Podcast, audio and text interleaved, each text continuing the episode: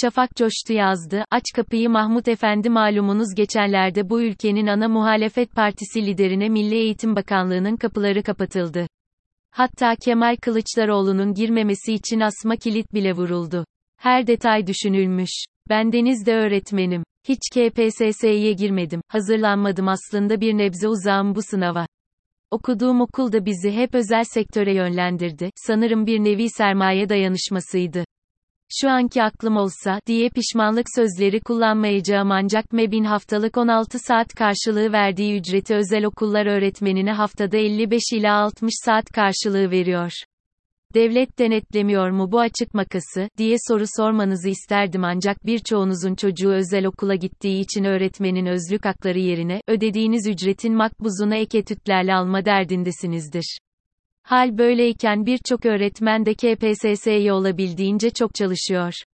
Memur olayım, her sene sonunda atılma korkusu yaşamayayım, hafta sonu kendime kalsın, özlük haklarım devlet tarafından güvenceye alınsın, diye düşünüyorlar.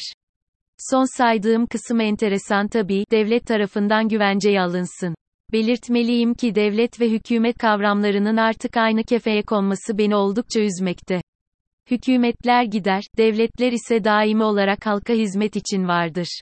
KPSS konularını tek tek yazıp sizleri daraltmak istemiyorum ama sizin okuyacağınız bir paragraf konu başlığına bu insanlar, her ayrıntısıyla emek veriyorlar. 2016 yılında KHK ile darbe sonrası getirilen bu mülakat sistemi deyim yerindeyse insanların umutlarını söndürdü. Çünkü herhangi bir standartizasyona sahip değil bu mülakatlar. Bunu da KPSS'den derece yapan öğretmenlerin mülakatta elenmesinden anlayabiliriz.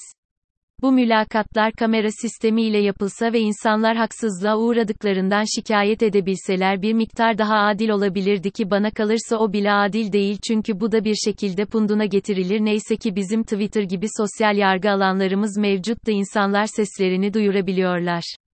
Bir öğretmenin KPSS'den iyi puan almasının ardından mülakatta elenmesi sosyal medyanın gündemine bomba gibi düştü.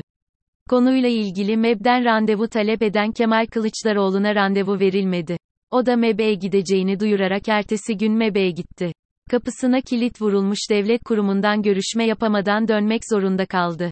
Bana kalırsa sadece ana muhalefet liderinin değil tüm halkın oraya gidip bunun sebebini öğrenme hakkı vardı. Korkulacak bir durum yoksa bu belgelerle açıklanabilirdi. Kemal Bey de halka durumu ılımlı bir şekilde anlatırdı. Böylelikle ortalıkta eşkıya, adam değilsin, cibilliyetsiz gibi sözler de dolaşmamış olurdu.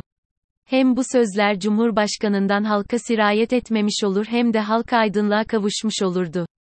Acaba Kemal Bey'in neden kadrolu, ücretli, sözleşmeli öğretmen farkı var? Neden sözleşmeli öğretmenler aileleriyle kavuşamadan 4 yıl geçirmek zorundalar? Neden ücretli öğretmenlerin çoğu lisans mezunu bile değil? Neden mülakat yapılıyor diye sormasından mı korkuldu?